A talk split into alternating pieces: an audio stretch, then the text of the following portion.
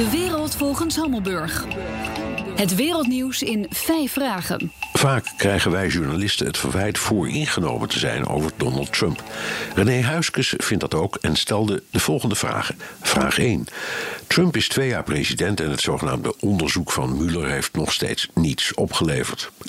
Nou, Mueller heeft tot nu toe formele aanklachten ingediend tegen 13 Russen, 12 Russische spionnen, 3 Russische bedrijven en één Nederlander. Maar belangrijker, vijf Amerikanen, advocaat Michael Cohen, oud-campagneleider Paul Manafort, dienstcompagnon Rick Gates, oud-adviseur George Papadopoulos en oud-veiligheidsadviseur Michael Flynn zijn of worden berecht. Trump is wel verhoord, maar er is nog geen bewijs van samenzwering met de Russen of machtsmisbruik. Daar heeft Trump gelijk in. Vraag 2. Maken de Democraten zich ondertussen niet grenzeloos belachelijk? Dat zou zo zijn als Mueller democraat was. Hij is overigens republikein of voor de democraten zou werken. Maar hij is aangesteld door Trumps eigen ministerie van Justitie en rapporteert aan dat departement. Vraag 3. Als er echt iets was geweest, dan had Mueller dat toch al lang op tafel gegooid.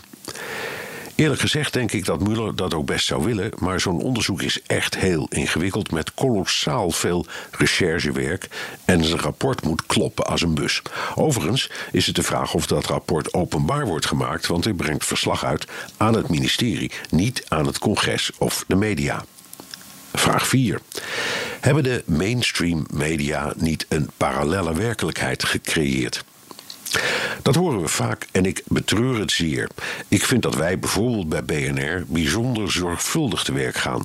Als je een president hebt die voortdurend controleerbare leugens de wereld instuurt, over parallelle werkelijkheid gesproken, is het een hele klus om dan toch ons journalistieke oog op de bal te houden. Dat doen we door te kijken naar wat controleerbaar klopt, naar de feiten en naar wat de president bereikt. Vraag 5.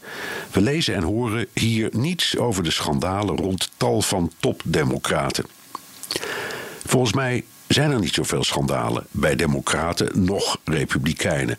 Het krioelt van de geruchten, dat wel. Republikein Ted Cruz zou porno hebben bekeken. Zijn recente democratische tegenstander Beto O'Rourke zat als jongeman een stronk achter het stuur. De echtgenoot van de democratische senator Claire McCaskill heeft misschien in de kast gegraaid van een liefdadigheidsorganisatie. Deze of gene gaat wel eens vreemd. Het is allemaal klein bier.